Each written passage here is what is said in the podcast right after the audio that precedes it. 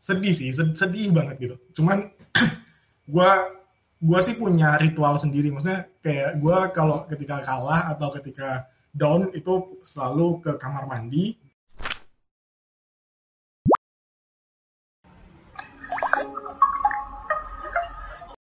Halo semua, di sini kita akan mengadakan sebuah proker baru yaitu proker dari Departemen Ristek yang berkolaborasi dengan Departemen Kominfo. Nah, untuk prokernya itu yang bernama Cian Talks, yaitu seputar tentang ngobrol dengan masyarakat SI lah untuk kayak sharing berbagi ilmu ilmu gitu.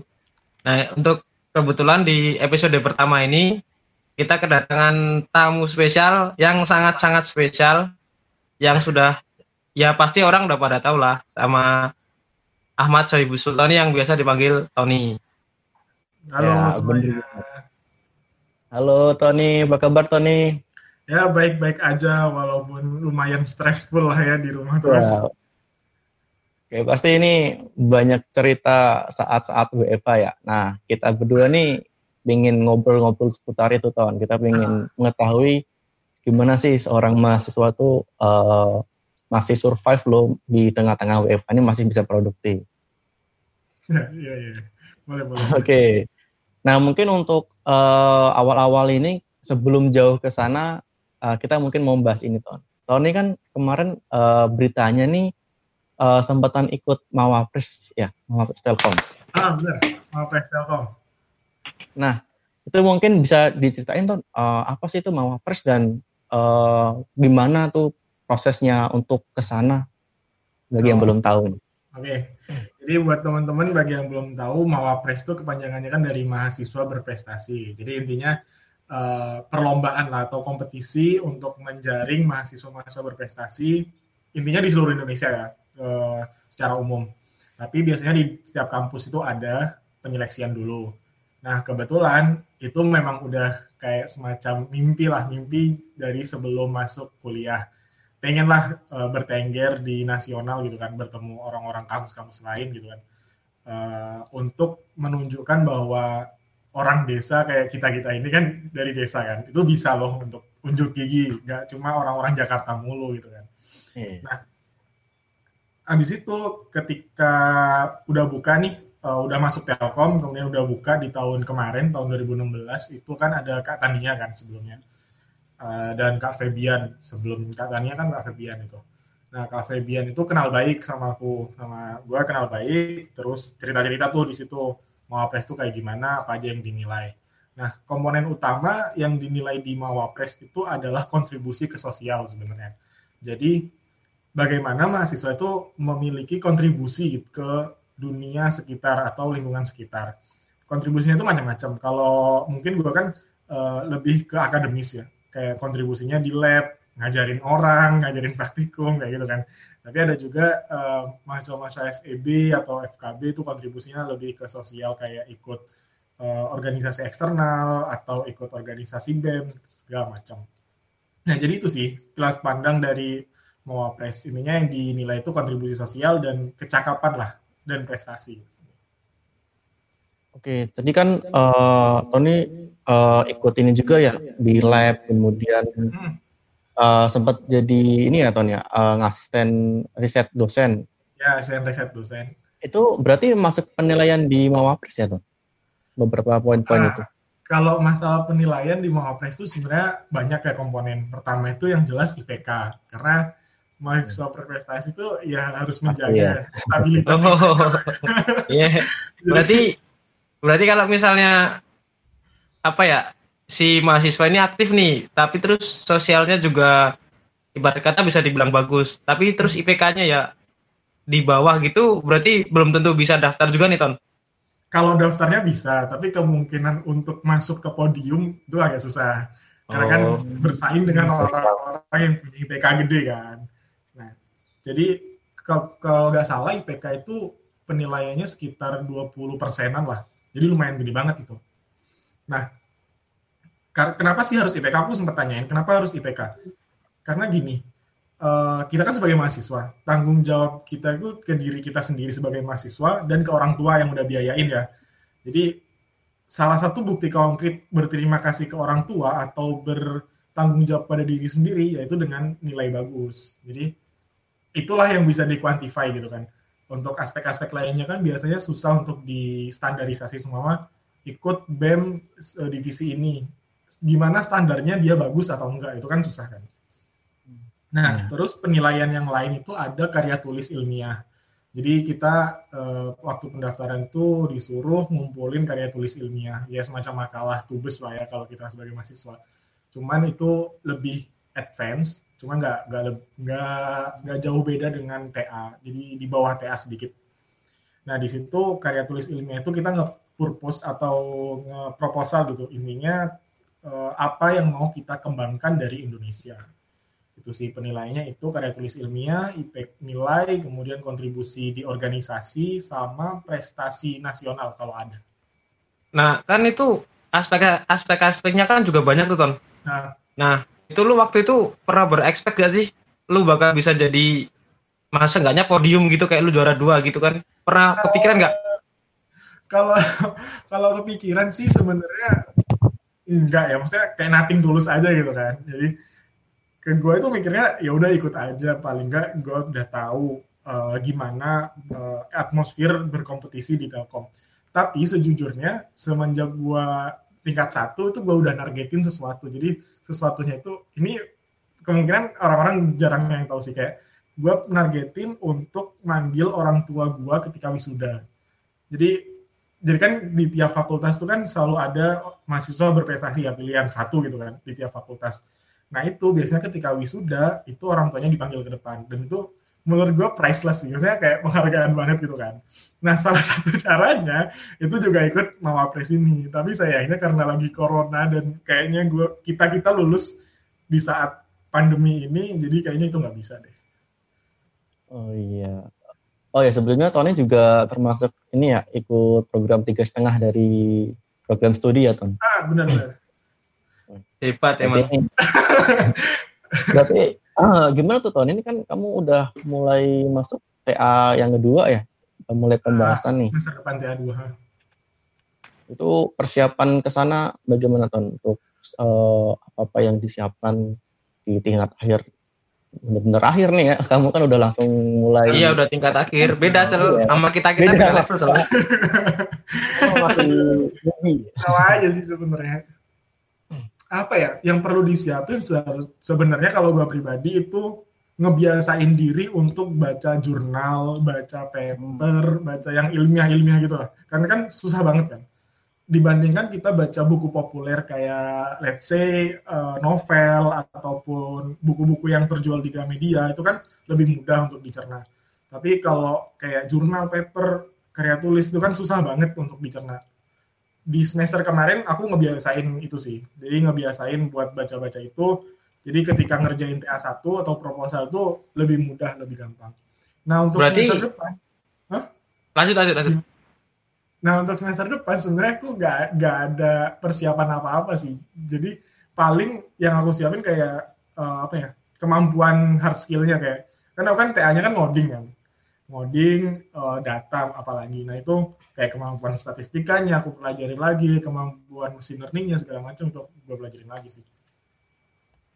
Tapi kan lo tadi ngomong ya Tan, maksudnya perbanyak membaca intinya perbanyak membaca gitu kan. Dari hmm. membaca itu kan pasti dapat banyak dapat banyak banget ilmu yang didapat. Nah, hmm. pernah nggak sih lu lu lu udah baca banyak banget nih ya tentang paper lah tentang penelitian gitu tapi lu ngerasa waktu lu mau ngerjain TA tuh kayak sebenarnya lah yang lu baca tuh nggak ber apa ya nggak berdampak ke TA lu gitu loh Uh, ya itu ada sih ada ada beberapa yang waktu gua baca itu ini gak nyambung banget tapi sebenarnya yang gua kejar itu kan dengan sering-sering membaca itu bukan hanya ilmunya ya. Gua ngejar habit gitu kebiasaan. Kebiasaan membaca itu sangat penting untuk memudahkan kita. Orang yang nggak ngebias nggak terbiasa untuk membaca ketika ngerjain TA untuk nyari referensi itu bakal susah banget. Itu gue jujur bakal susah banget karena untuk memulai membaca itu susah nah sebenarnya kalau ilmu-ilmu nggak berkorelasi atau nggak relevan itu ya udah sih kayak lewat aja. Nggak ditulis di TA juga. Salah satu uh, hal dasar yang bisa dimulai seorang mahasiswa untuk mungkin bisa sampai ke mawapres itu ya membaca karena dari membaca nah, tuh nah, juga bisa melanjutkan menulis ya Ton ya? Yes, benar ya? benar-benar menarik sekali nih. Kadang kan kita membaca tuh males ya apalagi buku-buku jurnal tuh apa sih ah. ini gitu. Apalagi yang jurnal apa internasional tuh nanti lagi Inggris-Inggris gitu kan yang TOEFL-TOEFL-nya pada rendah gitu kan. Nah itu bahasa Inggris itu juga kendala kan kendala mahasiswa Indonesia dan Telkom lah. Iya itu. Ah, kemudian Mawapres nih kan kita bicara tentang skala Telkom. Nah kira-kira setelah kamu itu kan perlombaan itu apa aja sih yang selain tadi itu kan ada paper ya? Hmm. itu uh, hal yang bisa apa ya menjadi seorang mawapres di Telkom terus di nasional tuh mungkin yang udah kamu pelajari itu apa aja sih mungkin yang bisa kamu ambil kemarin? Waduh, gue kan cuma juara dua nih, juara nggak tahu. Wah, ya. kan udah belajar dong. Uh, Pasti ada lah yang bisa dipetik sedikit pun. Uh, iya. Iya, ya, benar-benar. Jadi waktu mungkin gue cerita ini dulu ya, waktu uh, seleksinya dulu kan gue daftar. Seleksi administrasi ngumpulin KHS ngumpulin uh, paper tadi hard copy terus ngumpulin sertifikat-sertifikat dalam bentuk fotokopi gitu kan. Nah seleksi administrasi itu kita ngumpulin ke fakultas dulu kalau di Telkom. Setelah ngumpulin di fakultas itu disaring uh, menjadi dua. Jadi satu program studi itu satu orang aja. Nah kebetulan tahun kemarin itu yang daftar cuma dua.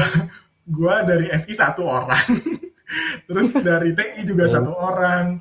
Nah itu anjir kacau banget lah. Maksudnya masa FRI cuma dua gitu kan. Nah itu. Terus habis itu setelah administrasi diseleksi uh, apa ya pertama itu psikotes. Jadi kayak seleksi tes IQ segala macam itu. Cuman kata panitianya itu nggak terlalu ngefek cuma untuk nilai kepribadian aja. Nah terus hari ketiga itu wawancara. Eh hari kedua. Hari kedua itu wawancara. Eh, tahap ketiga itu wawancara. Kita ketemu sama dosen-dosen hebat lah. Dari FTE terus dari FRI Bu Vida terus dari FEB ada empat kalau nggak salah. Terus ada ada dari kemahasiswaan. Nah dari situ diulik tuh kita udah kontribusi apa aja ke Telkom atau kita kontribusi ke masyarakat apa aja. Itu sih tahap yang paling menegangkan menurut gue Nah, terus hari selanjutnya itu presentasi KTI. Jadi presentasinya pakai bahasa Inggris, full bahasa Inggris, pertanyaan jawabnya juga bahasa Inggris. Nah, kenapa tuh? nah, hal yang bisa dipetik sebenarnya adalah kan kita kan mau pres itu sebenarnya semi kompetisi lah ya. Maksudnya kita berkompetisi tapi kita nggak musuhan gitu. Jadi kita masih kenal, masih bercengkrama, masih jadi keluarga lah. Sebutannya kan keluarga mahasiswa berprestasi Nah, dari situ kita bisa tukar pikiran tuh sama orang-orang kampus lain kayak kampus FEB, kampus FKB, kampus desain. Pasti pikirannya beda lah. Contoh gini, uh, di FRI rata-rata orang itu, gue nggak tahu sih, gue generalisir aja ya. Rata-rata orang itu mikir setelah kuliah itu ya kerja gitu. Entah kerja jadi apa, pokoknya kerja di perusahaan. Nah di FEB beda. Setelah kuliah biasanya jadi entrepreneur di di FIK beda lagi setelah kuliah mereka pingin uh, apa sih namanya membuat satu pertunjukan dulu ikut satu showcase untuk menunjukkan seni mereka nah kayak gitu-gitu sih kayak yang bikin insightful lah Nah, ini Ton, kan tadi apa ya? Uh, pasti banyak benefit dong yang didapat hmm. selain tadi insight, terus kita bisa belajar uh, lebih. Nah, yang menarik tuh tadi dari dari segi fakultas aja dan jurusan itu kenapa peminatnya selalu sedikit ya yang gue ini ya Tan? Nah itu dari dari Tony gimana tuh? Ada tanggapan nggak? gue gue gue nggak tahu sih di VFR itu kenapa. Cuma kalau secara garis besar itu minder lah orang-orang itu minder dengan embel-embel prestasi gitu kan mahasiswa berprestasi kayak wah banget gitu kan padahal Padahal ya udah jalanin dulu aja, siapa tahu lolos, siapa tahu dapat gitu kan. Nah itu faktor minder itu yang masih PR sih, terutama di jurusan kita ya, jurusan SI. Yeah. Banyak banget orang minder lah. Entah itu minder gara-gara, aduh pelajarannya susah atau pada dosennya nggak enak, itu banyak lah ya. Apalagi di tingkat yang lebih lanjut kayak mahasiswa berprestasi kompetisi kayak gitu ikut kompetisi internal aja kan juga uh, susah juga kan minder juga itu sih menurut gua minder itu Nah, terus uh, pasti kan sebelum kamu ke Wapres nih pasti punya bekal pengalaman dong. Salah satunya kan lomba nih tuh. Nah, Ada. mungkin Yes. uh, Ya kayaknya kan, sih waktu wa- sel waktu tingkat satu ya dia udah menang lomba di mana-mana sel. Nah, ini Tuh kan. mungkin yang bisa jadi apa ya eh bekal mental juga mungkin ya Ton ya untuk Hmm. mengawalinya tuh nggak langsung ke setingkat Mawapres mungkin. Nah ini kan Ah. Tone juga ikut beberapa lomba dari semester satu ya. Iya Nah, dari mungkin bisa- semester satu dia. Kayak apa ya lomba-lomba seperti apa yang diikutin dan eh struggle-nya seperti apa sih lomba itu? Ini kan pasti eh, orang dengar kata lomba kan ah, ngapain sih lomba gitu kan. Padahal ini kan penting ya. ya benar benar benar benar jadi kalau gue pribadi karena tingkat satu itu belum bisa apa-apa ya gue yang lomba yang gue ikutin itu adalah lomba debat karena kan lomba bacot. Iya. Ngomong ya ya. iya cuma lomba ngomong. Maksudnya ya basically ngomong cuman harus ada ilmu lah. Ilmunya kan bisa dipelajarin kan? Baca majalah atau baca artikel-artikel di internet itu makanya gue ikut lomba debat. Nah dari lomba debat itu sebenarnya banyak sih benefit kayak public speaking segala macam itu dap- apa ya masuk ke gue juga. Eh, bisa refleksi lah gimana public speaking gue selama ini. Nah sebenarnya tips buat temen-temen yang eh, takut untuk memulai lomba itu apa ya? Kalau gue pribadi itu masa bodoh aja sih. Maksudnya cuek gitu. Kayak kita pakai kacamata kuda gitu mau orang berkata apa mau bilang orang itu ini lomba susah loh ini lomba bergengsi banget cuek aja ikut aja dulu lu nggak bakal tahu tingkat kesusahan lomba itu seberapa kalau lu belum ikut lomba tersebut gitu Iya, bener bener. Oh terus ton? Ka- kan lomba lomba yang lu udah lu la- laluin kan banyak banget nih ya kan Iya. Nah, pas pertama kali lu di kuliahan itu ikut lomba terus pengalaman yang lu rasain pertama kali lu ikut lomba tuh gimana? Sedih cuy. Kalah cuy. Kalah. Pertama kali gue kalah. Gue gue Debat nggak berarti yang salah ya. sampai sekarang sih sampai sekarang gue juga sering kalah sih sering gagal.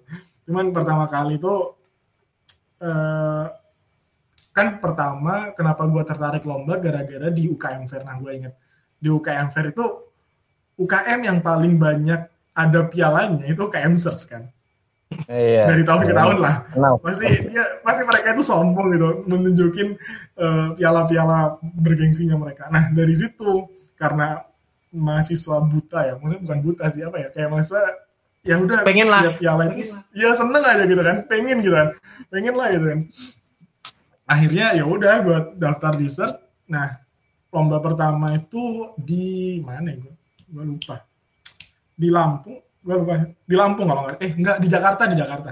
Lomba debat di Jakarta. Nah dari situ gagal kan.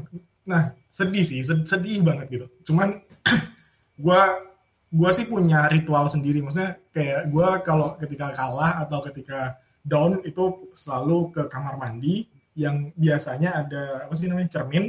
Nah gue ngaca aja di situ diem ngaca Introspeksi ngomong diri. sama diri sendiri pokoknya gue ngomong sama diri sendiri. Ngomong dulu ya. apa sih gitu kan apa sih kurangnya gitu kan. Nah kalau gitu udah sekitar 30 menit sampai sejam gue keluar kamar mandi udah beres gitu udah nggak sedih lagi. Artinya sedih sih jadi banget sedih banget. Nah itu gue belajar sih bahwa lomba itu bukan soal menang dan kalah tapi bagaimana improvement dari diri kita setelah lomba tersebut. Itu sih. Ya, benar benar. Berarti eh, ada hal yang bisa digen ya setelah kita lomba itu menang atau kalah, tapi pengalaman itu yang mendewasakan. ah bener Keren. pelajarannya yang dapat dipetik dari setiap lombanya ya kan Iya. iya. gue itu saking ambisnya semester 1 benar waktu ambisnya semester 1 itu teman-teman kelas gue termasuk Andri nih waktu perwalian semester 2 itu bilang kan Pak Edi kan nunjukin tuh nunjukin TAK terus teman-teman kelas gue itu bilang "Eh, udah tuh TAK lu udah cukup untuk lulus lulus sekarang aja ngomong IPK lagi gede gitu. Kan orang baru masuk Pak Edi nunjukin TAK sel. Yang lainnya tuh nol semua. Tony doang yang 100 TAK-nya nggak sampai 100 nggak sampai 100 tapi cukup untuk lulus. Iya benar yang belum tahu nih untuk sarjana di Telkom tuh TA kan tuh 60 ya syarat untuk ya. itu sidangnya. Cuman terus? udah target sebenarnya target TAK sekitar 300-an. Cuman lagi corona kayak gini nggak bisa nambah lagi. Terus apa nih ya? Kan lu juga tadi ceritakan dari lu awal lu lomba gitu. Terus kira-kira lomba yang paling lu masih kenang sampai sekarang tuh lomba yang di mana? Terus apa aja yang bikin itu berkesan gitu? Ah. Hmm. Sebenarnya gue kan sekarang udah meninggalkan dunia debat ya. Gue lomba udah beralih ke lomba data, lomba data mining, machine learning segala macam. Nah, yang paling berkenan itu sebenarnya lomba di Jakarta. Jadi kan tadi kan gue cerita kalau di Jakarta gue kalah kan tahun pertama. Tahun keduanya gue ikut lagi. Nah, ikut lagi dengan yang lebih siap lah ya. Dengan segala macamnya, udah persiapan segala macam tuh lomba debat. Nah, di search lomba tersebut tuh kan sangat bergengsi karena itu lomba yang hadiahnya gede banget. Terus dari tahun ke tahun search itu nggak pernah apa ya lepas dari tiga besar. Jadi Telkom tuh nggak pernah lepas dari tiga besar. Nah itu beban mental tapi kayak jadi cambuk gitu cambuk buat gua juara lagi gitu. Nah akhirnya di situ juara tuh alhamdulillah juara satu. Kenapa itu berkesan? Karena latihannya berdarah-darah banget dari jam yeah dari pagi kalau nggak ada kuliah, kalau ada kuliah ya dari jam 6 malam sampai jam 2, jam 3 malam gitu. Itu cuma latihan ngebacot doang gitu. Ya, latihan bener. ngebacot, baca artikel segala macam. Salah satu yang terberat itu lomba debat ya Tania. Kan Kak Tania kan juga sering cerita tuh gimana ceritanya waktu latihan di UKM CERT ya itu memang keras ya harus keras ya memang yes. membentuk mental karena nggak kalau nggak gitu kan kita kalah dengan lawan debat kita dong kita nggak bisa lebih nah, banyak pengalaman. Di, tapi sebenarnya semua lomba itu ada tantangan tersendiri sih. Iya. Kita nggak boleh kayak ini lomba ini lebih berat daripada lomba ini. Sebenarnya ya menurut gue ya. Nggak boleh itu. Semua sama soalnya. ya menurut gue itu. Semua kita mau terjun ke lomba bisnis plan gitu kan. Katakanlah bisnis plan. Hmm. Tantangannya juga beda daripada lomba debat. Bisa jadi lomba bisnis plan yang kita mudah untuk juara itu gara-gara jurinya juga belum terlalu ngerti atau jurinya eh, nggak uh, terlalu teliti. Tapi ketika ketemu juri yang teliti itu bisa jadi bisnis plan kita kalah gitu hancur. Yeah. Tantangannya kan beda kan. Kalau juri juga berpengaruh sih. Ya, benar. Eh, tapi kan uh, pengen tanya nih, tadi kan untuk mengawali perlombaan kamu bilang kan dari ini ya dari UKM Search. Nah, kalau hmm. perspektif di SI sendiri ini sebenarnya gimana sih untuk anak SI yang uh, dia nggak terikut im, uh, eh, UKM ya, UKM search ya itu tuh bagaimana sih atau UKM yang lain? Oh. Kalau misalkan dari segi mahasiswa biasa nih reguler, dia pengen lomba tapi harus ke mana? Gitu. Sebenarnya di FRI itu udah diwadahi ya kayak competition center nggak sih? Ada nggak sih? Masih ada kan? Di FRI. Di, FRI iya, Competition di... Center tuh seingat gua dulu ada di komandoi sama Pak Faisal Nah, cuman sekarang nggak terlalu aktif untuk ngelatih atau memberi insentif, cuma nge-share-nge-share info lomba doang. nah, menurut gua apa yang harus dilakukan anak SI adalah uh, benerin mindset dulu. Itu mindset itu paling penting. Mindset buat lomba itu bukan untuk ngejar duit, bukan ngejar uh, terkenal, bukan ngejar apa lagi ya pertemanan, bukan pertemanan famous gitu kan, famous enggak. Jadi sebenarnya mindset untuk ikut lomba itu melatih diri kita untuk berkompetisi karena dunia kerja nantinya kita juga akan berkompetisi dengan orang-orang yang sama. Gini maksud gue, benar. Jadi, ya, jadi kan kita kan angkatan terakhir, ya TA lah ya, angkatan atas lah, angkatan tua. Jadi kan nanti ketika kita kerja, kalau kita nggak tahu musuh kita siapa ketika ngelamar kerja, itu bakal jauh lebih sulit alangkah jauh lebih baik ketika udah dari tingkat dua atau tingkat satu tuh kalian tahu atau kita semua tahu uh, bahwa musuh-musuh kita di UI, di ITB, di BINUS itu levelnya segini loh. Soalnya kita mau uh, ketika lulus pengen jadi bisnis analis. Ya kita mulai aja lomba-lomba bisplan, lomba-lomba paper atau segala macam. Nah, dengan gitu kita tahu anak UI bikin bisplannya kayak gini loh modelannya, anak ITB kayak gini. Nah, ketika di dunia kerja itu udah ngerasa pede. Gue pernah juara kok pernah ngalahin UI masa di uh, seleksi pekerjaan aja nggak nggak ngalahin gitu. Itu sih jadi kayak improvement aja sih sebenarnya. Jadi bener banget sih yang kata Tony tadi.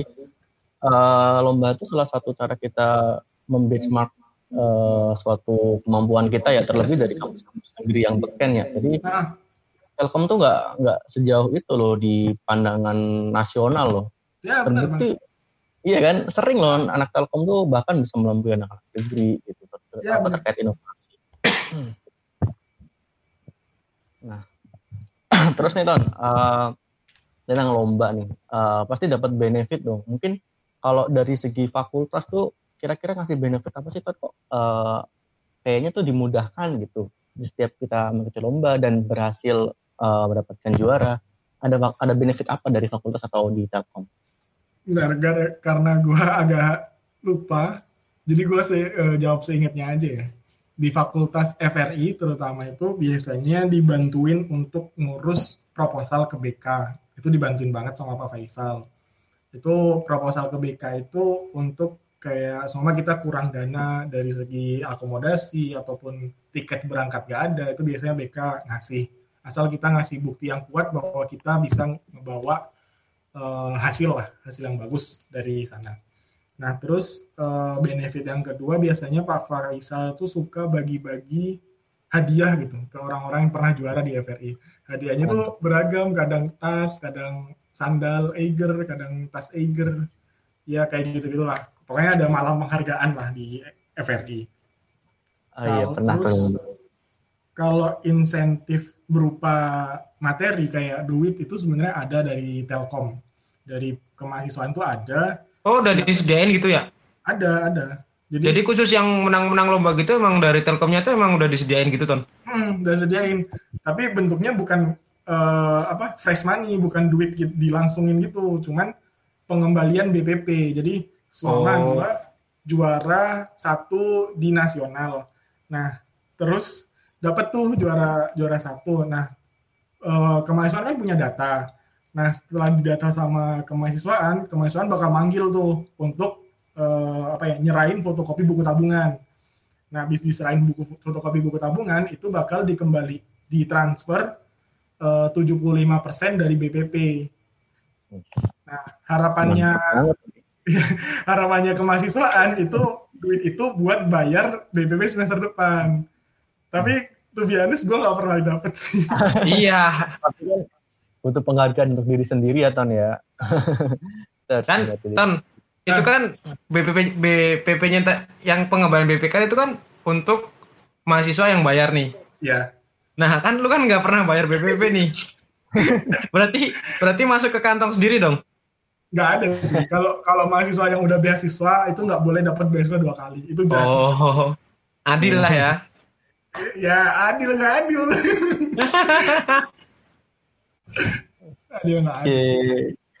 Berarti menarik banget ya benefit untuk mengikuti mawapres maupun lomba itu pasti memiliki value lebih untuk kita di dunia kerja nanti ya. Yes, nah banget. ini menarik juga nih dunia kerja nih. Uh, gue baca-baca lo kayaknya udah udah apa nih untuk apa ya mengalami dunia pekerjaan nih. Udah mulai nyoba-nyoba nih. Ini kan yeah. kalau kita gua mantrin kayak baru pertama ya KP. Nah, Ih, KP lagi kan.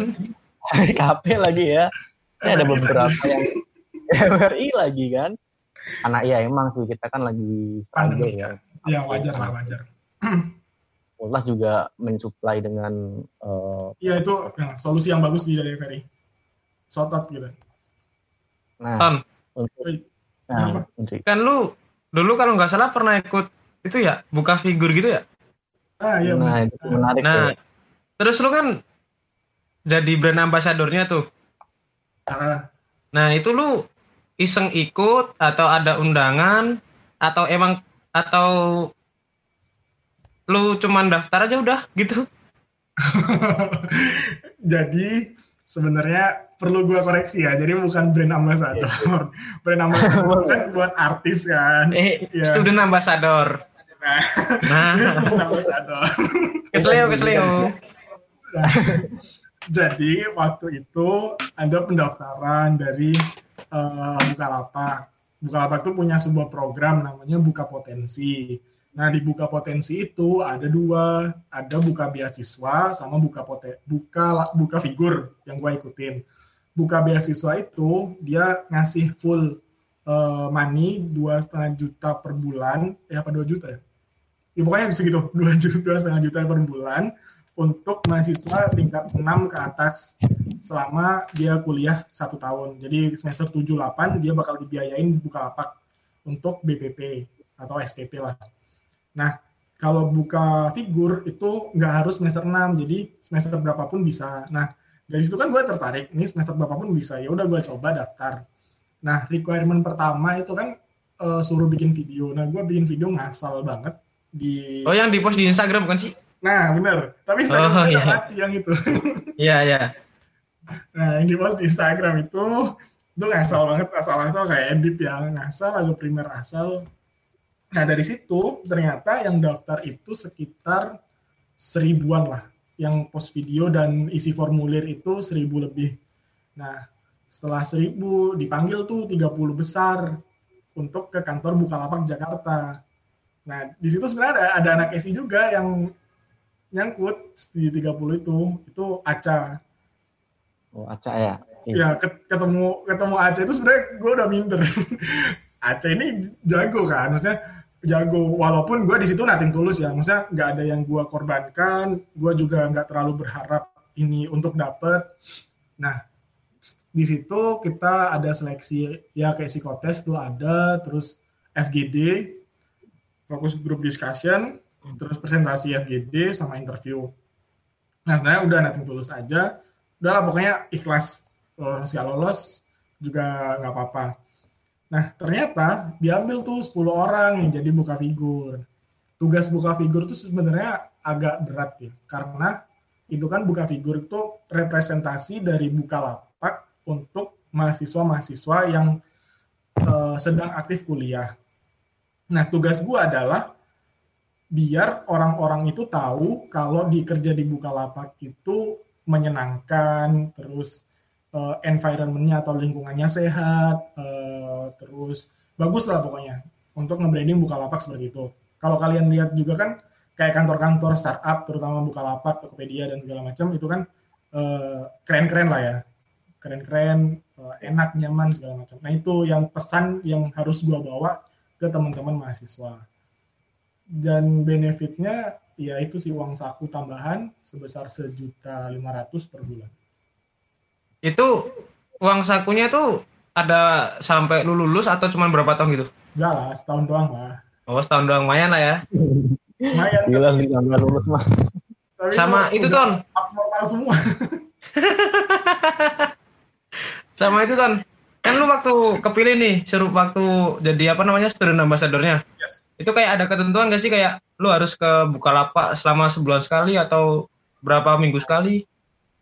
Sebenarnya itu nggak ada ketentuan. Jadi Bukalapak itu udah kayak kantor gua waktu itu setahun. Eh. Tapi tapi gua ke sana itu ketika ngebahas project doang kayak nge-project uh, mau ada Bukalapak ke kampus atau mau ada project gede bareng bersepuluh itu kan sepuluh itu kan macam-macam ya dari dari Telkom dua dari UI 2, dari IPB 2, terus BINUS 1, terus lupa satu lagi mana ya?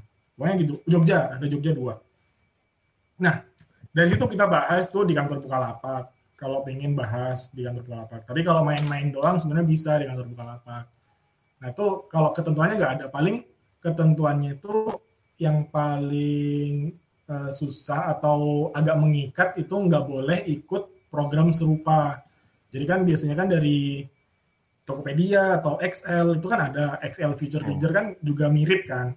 Nah itu nggak boleh selama setahun itu. Job desk-nya cuma ya, bantuin sih. Hmm? Kayak ngikat kontrak gitu lah ya istilahnya. Ya, ngikat kontrak. Ya namanya ambasador kan nggak boleh dua kan. Iya. Kalau endorse boleh. Ya, kalau endorse boleh. Kapan endorse tahun ini? Waduh. Waduh. Nah, eh, Tom. Kan, ah, Nah, hmm. Beri, Lu kalau nggak salah semester 4 juga pernah magang ya?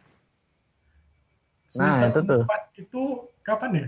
Semester 4. Waktu iya waktu masa-masa tuh bersama gua lu malah ngerjain apa gitu? waktu lu magang gitu. Kalau nggak salah ya. Oh, Itu bukan semester 4 gak sih? Sekarang semester berapa sih? 6 kan? Semester Sekarang semester 6 ke 7 sekarang. Berarti semester 5, Tri. Bukan semester, Oh, semester 5. Ya, itu lu ma- magang di perusahaan mana dah? Itu di perusahaan mana ya? Sebenarnya basisnya itu Vietnam.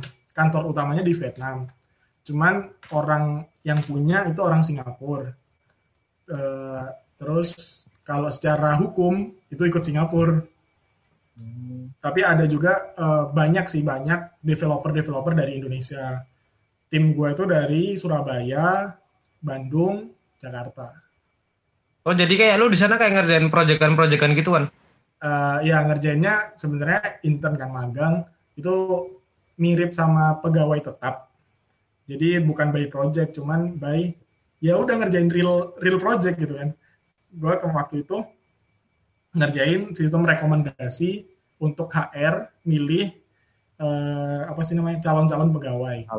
Nah, cuman gara-gara ilmu gua kurang dan tim gua juga agak sibuk gitu kan, sibuk dengan satu dan berbagai hal, akhirnya itu nggak go live, jadi cuma sampai prototype doang.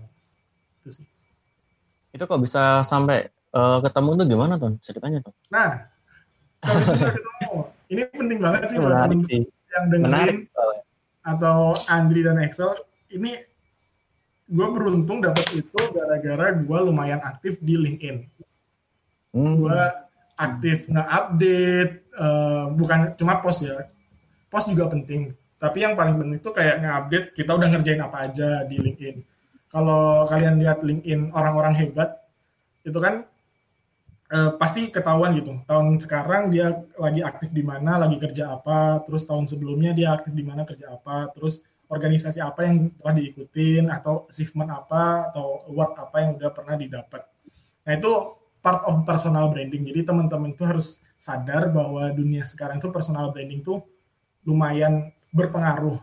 Karena waktu itu sebenarnya gue gak nyari.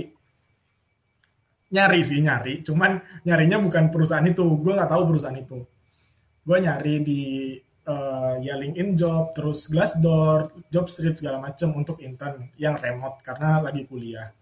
Nah, pada saat itu ada HR dari perusahaan mereka ngehubungin tuh ngubungin gua eh, lagi free nggak intinya gitu gitu pakai bahasa Inggris.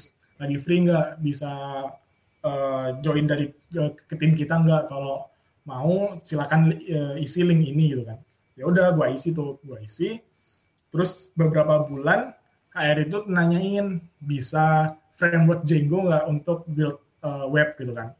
Terus aku bilang masih basic kalau Django. Terus tanya spesialisnya apa sekarang? Spesialisnya sekarang lagi ngedalamin data segala macam. Udah setelah HR-nya terus minta telegram tuh si HR nah telegram gua terus dikasih ke CEO-nya jadi CEO-nya itu lagi di Bandung. Wih. lagi di Bandung akhirnya beberapa minggu kemudian gua ketemu sama CEO-nya interview santai nah akhirnya ya udah join aja sebagai magang gitu karena itu masih startup sih nggak gede-gede banget. Itu berapa bulan sih, Ton?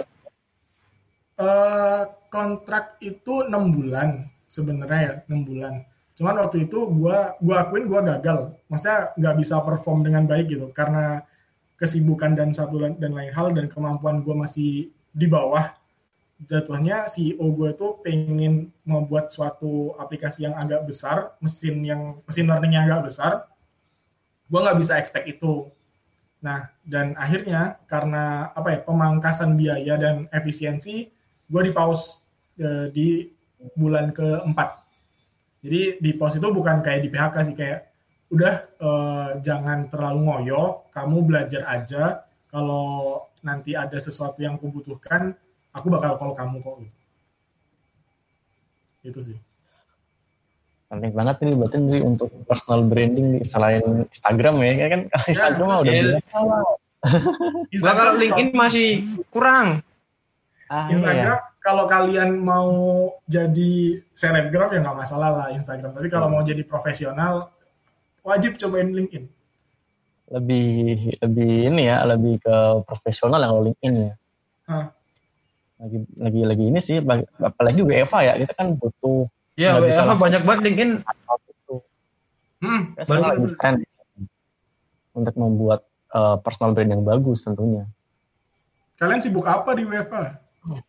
Ya, KPI biasa ton. Orang-orang biasa nih paling KPI. KPI. Ya paling bantu-bantu orang rumah. Nah, ya sama sih. Lebih tepatnya itu sih. Ngisi waktu luang lah biar nggak kebut-kebut banget ya Andri membantu uh, keluarga di rumah. Nah, Tony, uh, apa ya? Tadi kan bicara tentang magang, pasti kamu punya skill basic dulu dong. Nah itu kan data nih, hmm. itu yang kamu dapat di lab Daspro ya. Nah, iya. boleh cerita sedikit nggak tuan? Itu kan sebelum kita peminatan kan kamu pasti udah masuk lab dulu nih. Hmm. Nah mungkin bagi teman-teman yang masih tingkat satu, itu masih masih menentukan jalannya. Nah peran lab itu seperti apa sih Ton untuk membantu seorang tahun ini bisa mencapai lomba, mau press, bahkan tadi apa namanya brand student ambassador itu gimana tuh bisa ke sana? Oke, buat teman-teman yang masih unyu-unyu masih tingkat satu, tingkat dua, uh, manfaatin waktu kalian untuk mengeksplor banyak hal itu pertama. Lab adalah salah satu alternatif baik untuk uh, nge-explore banyak hal itu. Lab apa pun lah. Contoh BPAD atau DASPRO atau EAD. Terus ada apa sih namanya sekarang SAG ya? Bukan BPAD ya?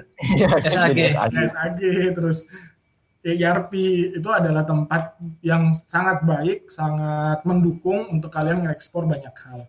Kenapa kayak gitu? Karena di lab itu kita bertemu banyak orang. Pertama ketemu teman-teman kita yang punya satu tujuan, terus ketemu dosen-dosen yang bisa ngasih masukan-masukan ke diri kita. Gue kesadarin bahwa dulu masuk lab itu nggak semudah sekarang nggak sih? Kayak masuk lab itu harus berdarah-darah, yang keterima cuma 20. Yeah. Kalau sekarang kan udah mulai terbuka kan, mulai ada lab riset yang kapasitasnya lumayan besar. Nah, bagus banget tuh buat teman-teman uh, tingkat satu, tingkat dua untuk nyobain itu. Karena semua di Daspro ya. Aku bilang di Daspro itu orang-orangnya kan ambis parah gitu kan. Mau mau nggak mau kita juga mengimprove diri kita untuk mengejar keambisan itu. Gitu. Itu sih. Iya bener banget ya. Untuk di sebuah lab tuh pasti banyak tantangannya masing-masing. Apalagi dulu pernah denger ya Daspro tuh emang ini ya harus keras banget ya orangnya harus bener-bener uh, profesional itu untuk masuk sebuah lab dan ah. sekarang kayaknya uh, lebih ini nggak sih tuh lebih banyak peluang nggak sih tuh yang dari tadi kan? Iya ada... lebih banyak peluang kan sekarang? Ya lebih banyak peluang. Jadi sebenarnya langkah yang bagus sih dari SI untuk membuka lab riset akhirnya kebuka kan. Maksudnya lab itu nggak nggak nggak eksklusif lagi untuk 20 orang tapi mulai terbuka untuk semua orang. Itu langkah yang bagus sebenarnya. Saya apresiasi SI itu langkah SI itu. Cuman mungkin tantangannya berbeda ya. Misal dulu dulu lab itu fungsinya uh, fungsi utamanya adalah mengajar praktikum. Ya intinya adalah praktikum. Orang-orang itu ya apa ya improve diri itu seenaknya gitu. Saya mau belajar ini, saya mau belajar ini, saya mau belajar ini terserah gitu di dalam lab. Contoh di Daspro dulu kan banyak juga orang Daspro yang uh, lomba bisnis atau lomba public speaking segala macam itu kan banyak. Nah mungkin sekarang tantangannya beda di lab riset mungkin bakal di push atau di force penuh untuk ngerjain fokusnya sama SAG yang ngerjain arsitektur dan governance kalau di nanti kan ada EDE kan Daspro itu lab risetnya EDE Enterprise Data Engineering ya fokusnya harus di data engineering mungkin tantangannya itu sih tantangan di dalamnya beda nah tapi ton menurut lo ya kan hmm? sebenarnya ada apa namanya ada pro kontra nih sebenarnya kan kalau di, dari segi pro pasti banyak banget nih kalau lab-lab tuh bukan lab sih lebih S-nya itu kan tiap semester atau per tahun pasti ada perubahan. Nah ini kan yes. tahun ini kan perubahannya masif banget ya. Hmm. Mulai tadi BPAD itu digabung dengan ISM, terus ada penambahan lain-lain, perubahan hmm. KK juga Nah itu hmm. menurut Tony bagaimana sih Tony kita menyikapinya kalau sebagai Tony ini yang udah di tingkat akhir? Ah, ini sih jadi uh, sebenarnya PR ya, PR dari sisi prodi baik itu dosen segala macam, pimpinan segala macam PR dari segi labnya dan PR dari himpunan. Kenapa seperti itu? Karena tiga tiga entitas ini seharusnya bekerja sama untuk menyelaraskan apa ya namanya visi dan misi gitu. Sering banget yang terjadi kenapa dosen itu pengen merubah setiap semesternya nggak pengen, dosen itu nggak pengen.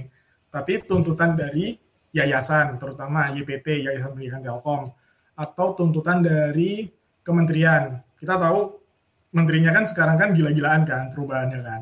Ada kampus merdeka segala macam. Nah itu di fakultas dan di jurusan itu juga susah menyesuaikannya. Itulah akhirnya berdampak kepada lab yang diubah. Nah idealnya fakultas atau prodi itu mengkomunikasikan secara intens gitu di ke lab gitu, ke anak-anak lab biar nggak kaget. Idealnya kayak gitu. Nah, komunikasi ini siapa yang jembatani? Seharusnya himpunan. Nah, itu peran himpunan. Komunikasi dua arah itu harus terjalin. Jadi tiga orang ini, eh tiga entitas, tiga entitas ini bisa nyambung lah gitu. Komunikasinya enak, lancar. Itu masih PR sih dia sih. Ya, bener banget sih Ton kayak uh, yang gue rasain ya, itu kan juga di lab, juga di himpunan nih memang ruang diskusi atau uh, diskusi publik kita tuh masih harus ditingkatin nah, benar. terkait uh, kebijakan-kebijakan baru, adaptasi baru. Jadi nggak ada yang merasa dirugikan tentunya. Hmm. Banyak banget ya informasi uh, dari Tony. Haus guys. Kan ini di sekarang kan berarti udah peminatan ya nih baru uh. teman-teman yang berarti tingkat tiga ya udah mau ya, masuk bener. peminatan. Soalnya udah dapat kabar belum sih gimana peminatan nanti berlangsung yang di semester? Iya pada. Ya, ya? Hmm. ya ini kan masih tanda tanya. Abu-abu. Oh, nah, hmm. Kalau masalah peminatan sebenarnya juga masih abu-abu ya karena itu tadi sih tuntutan kalau tuntutan peminatan itu kan tuntutannya kurikulum. Kurikulum yeah. dituntut berubah oleh kementerian karena kementerian mengharapkan merdeka belajar. Di, gue nggak tahu skemanya kayak gimana. Pokoknya intinya uh, di tingkat 3 dan tingkat 4 itu mahasiswa udah bebas menentukan pilihan mereka. Nggak cuma kan kita kan masih ada peminatan dan peminatannya itu masih di plotting gitu. Ada tiga mata kuliah. Nah itu di in the future itu bakal kayak di sedikit dihilangkan. Jadi di S itu gambarannya yang gue dapat adalah bentar gue takut salah. ada entrepreneurship, terus ada researchship, sama ada satu lagi gue lupa. Nah dari situ dari mulai tingkat ketiga itu suruh apa ya dibebaskan untuk milih tiga hal itu. Nah untuk mata kuliahnya seperti apa gue juga nggak tahu sebenarnya teman-teman di uh, tingkat bawah itu nanti harus ngambil apa atau boleh ngambil apa itu gue nggak tahu. Cuman yang gue dapat infonya nggak tahu kalian udah dapet nggak ya? Jadi peminatan tuh bakal ada satu EDE penggantinya EDM. Itu masih berbicara tentang data, cuman mata kuliahnya ada yang berubah. Terus yang kedua EIS. EIS itu Enterprise Intelligence System. Itu ngomongin tentang IoT, terus embedding system, segala macam. Pokoknya IoT gitu lah. Terus SAG, System Enterprise and Governance ya. Arsitektur. Eh, sistem arsitektur and governance. And governance. Nah, SAG, yaitu ngomongin uh, kebijakan, terus ISO segala macam dan arsitekturnya. Terus ERP, terus satu lagi Sisjar, Sisjar AIM peminatannya. AIS. Jadi yang berubah itu AIS sama diganti, Tekno digantikan oleh AIS. Itu sih. Berarti untuk adik tingkat yang masuk ke tingkat tiga ini emang semua ini benar-benar baru ya Ton ya? Ya benar-benar baru. Ada kira-kira kira, kira-kira lu kayak ada apa ya namanya tips gitu sih buat yang tingkat tiga kan apalagi kan masih dalam kondisi kayak gini nih. Susah ketemu orang susah kalau mau kan biasanya kalau kita dulu kan kita bingung kan tinggal lab ke lab. Ini kan kita cuma di rumah nih. Gimana pesan-pesan buat adik tingkat tuh dengan kondisi kayak gini biar mereka tuh nggak salah milih peminatan gitu loh. Oh, Oke, okay. Uh, eh, banyakin riset ya, mumpung mumpung teman-teman tingkat tiga ini nggak dibebani oleh KP, sebenarnya punya banyak waktu untuk explore gitu. Maksudnya uh, explore SI itu sebenarnya ranahnya di mana? atau kalau mau uh, di bidang data harusnya masuk peminatan kayak mana. Peminatannya udah gue bocorin kan kayak gitu. Nah, bocorin sama tahun ini. Jadi tipsnya adalah itu sih riset riset riset aja dan balikin ke diri sendiri lu sukanya apa gitu. Akan sangat bahaya buat teman-teman yang udah tingkat tiga tapi masih ngerasa salah jurusan. Itu kan berarti kan nggak berdamai dengan diri sendiri kan? Belum legowo belum legowo. belum legowo.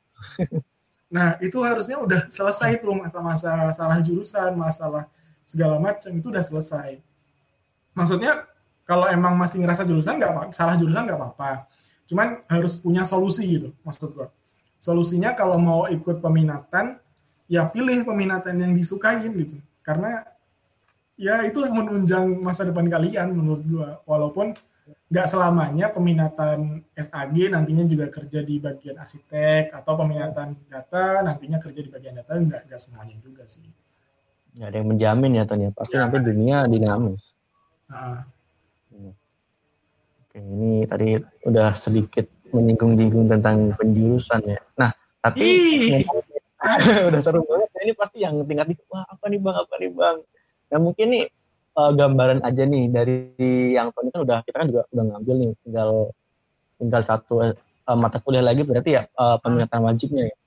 Nah kalau datanya ya, ini kan uh, sebenarnya era-era sekarang era-era data kan hampir semua tuh uh, dicari gitu data analis, data scientist. Nah yes kalau yang Tony pelajarin di SI sebagai seorang uh, data nih, seorang anak data, itu gimana sih uh, mata kuliahnya, terus prospek kerjanya itu seperti apa Tony yang uh, akan ekspektasinya oh, seperti apa? Okay. Sebenarnya data itu luas ya, bidang data itu luas. SAG juga bisa jadi orang data, tapi yeah. mungkin bukan data scientist, mungkin data governance, bagian audit gitu kan. Itu kan juga penting juga di perusahaan uh, yang selama ini gue tahu kenapa data itu populer banget terus orang-orang semuanya pada ngomongin data ngomongin data. data web big data big data gitu kan. Karena era sekarang kita tahu lah kita mantengin handphone hampir 24 jam kali ya.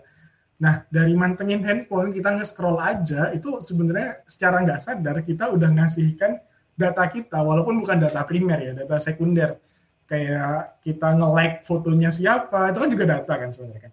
Iya benar. kita, kita sukanya nontonin uh, YouTube-nya siapa Om Deddy atau siapa gitu kan. Itu kan juga data-data kita data-data kita yang kita kasihkan secara gratis gitu ke perusahaan-perusahaan yang udah gede.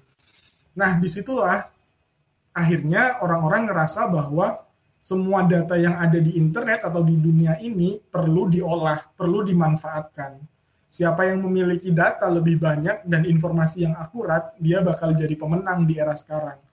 Itu itu kenapa semua perusahaan akhirnya rame-rame nih buka eh, apa namanya job-job di bidang data, entah itu data analis, data scientist segala macam. Jadi penting banget ya kita nggak cuman anak data sendiri, bahkan di pemintanan juga harus memahami tentang data itu apa ya. Ah, Mungkin basic, iya. seperti basis, basis data yang kita mengquery seperti itu ya kan.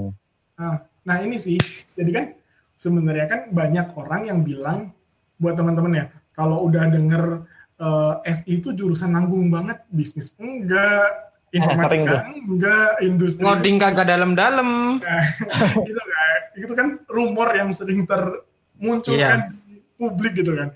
Nah buat buat teman-teman yang udah pernah dengar kalimat itu, aminin aja maksudnya. Ya memang kita serba nanggung, tapi bukan berarti diri kalian atau diri kita masing-masing itu juga nanggung. Kita bisa ngedalemin sesuatu yang kita sukai di SI ini kan SI kan banyak kan kayak manlay juga masuk, jaringan juga masuk. Ketika kita udah nemu sesuatu itu yang pengen kita dalemin, itu bakal jadi bekal banget. Tapi jangan sampai ngelupain mata kuliah-mata kuliah lain karena itu keunggulan SI. Kita bisa jadi orang tengah yang bisa mimpin rapat divisi-divisi lain. Semua yeah. kita mau rapat dengan anak-anak informatika yang ada divisi IT. Terus kita juga mau rapat dengan orang bisnis. Nah, itu kita bisa mimpin itu karena kita tahu uh, istilah-istilah mereka gitu dengan mudahnya kita bakal mimpin rapat itu, kemudian ngedelegate sesuatu itu bakal jauh lebih mudah. Ya, bener banget nih kan uh, banyak anggapan itu yang S itu kayak wah ini nanggung padahal sebenarnya itu uh, powerful banget ya kita kan hmm. jadi tahu banyak bidang gitu yes. dari jaringan ya ya walaupun kita kuliahnya berdarah-darah ya kan sama mata kuliah dipelajarin tapi itu tuh pasti tetap ada apa ya namanya ada pelajaran yang mungkin bisa kita terapkan di kemudian hari gitu loh. Yes, benar-benar. Ah. Akuntansi buat... dipelajarin gimana ton? Akuntansi dipelajarin. Akuntansi gue jelek cuy.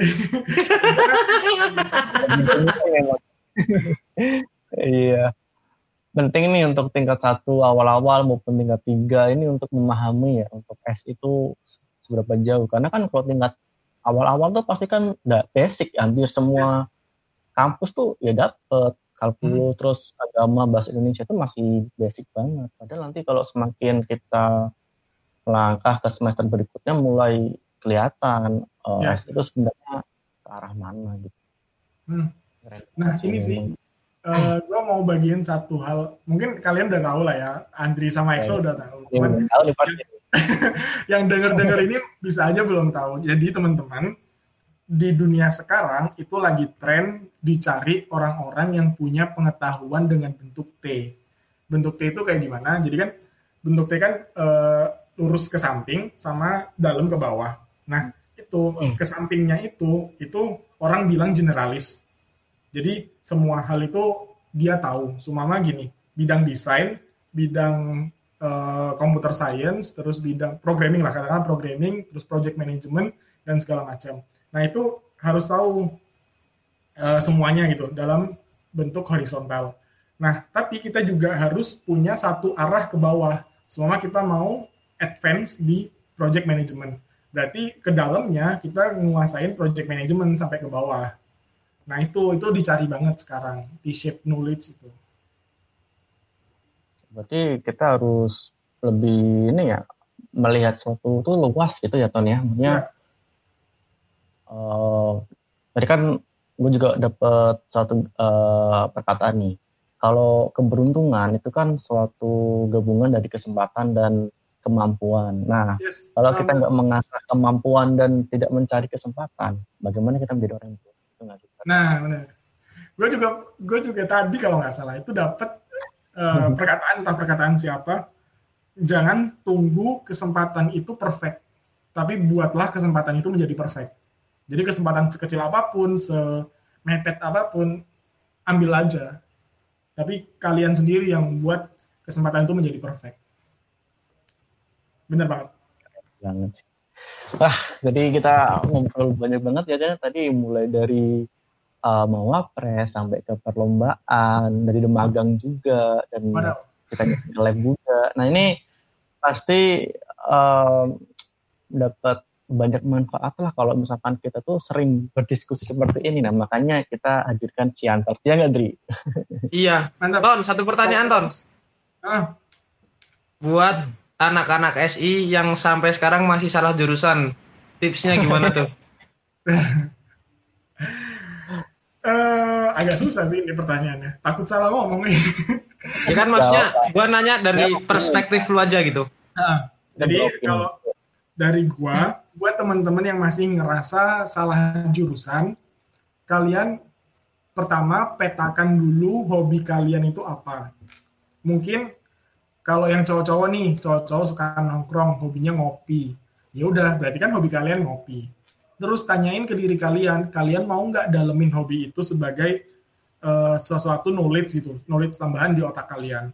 Kalau kalian mau, ya udah lakuin dulu. Semua kopi ya kalian baca bacalah riset tentang kopi. Kopi mana yang enak di Indonesia atau biji kopi mana yang terbaik. Nah dari situ kalian beranjak lagi cara membuat kopi yang enak. Itu analogi ya analogi ya. Cara bikin kopi yeah. yang enak. Nah dari situ kan kalau udah muncul kesenangan apalagi hobi kan akan sangat mudah kan melakukannya kan. Nah ketika mudah itu kalian tanya lagi bisa nggak aku ngasilin duit dari sini kalau bisa ya udah itu jadiin pekerjaan jadi uh, itu juga berlaku kepada ketika kita milih suatu peminatan nah misal kita hobinya itu nilai-nilai seseorang. Berarti kan pengen jadi auditor. Kan bisa jadi itu auditor adalah jalan yang baik. Atau hobi kita itu membuat sesuatu. Ya bisa kita masuk EIS atau PTAD gitu kan. Membuat aplikasi yang memudahkan orang. Itu sih, jadi menurut gue tentuin dulu hobi kalian tuh apa. Kalau memang ada di jurusan dan difasilitasi oleh jurusan, dalemin di sana. Manfaatkan fasilitas jurusan dengan baik.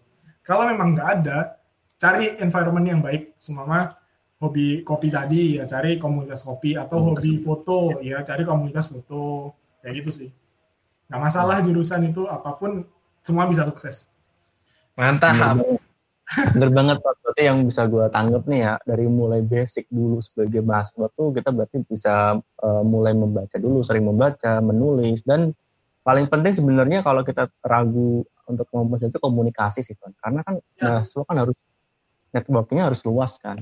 Setahun ini kan pasti punya banyak teman yang bisa mensupport yang bisa lebih baik. Ya ya, ya, ya.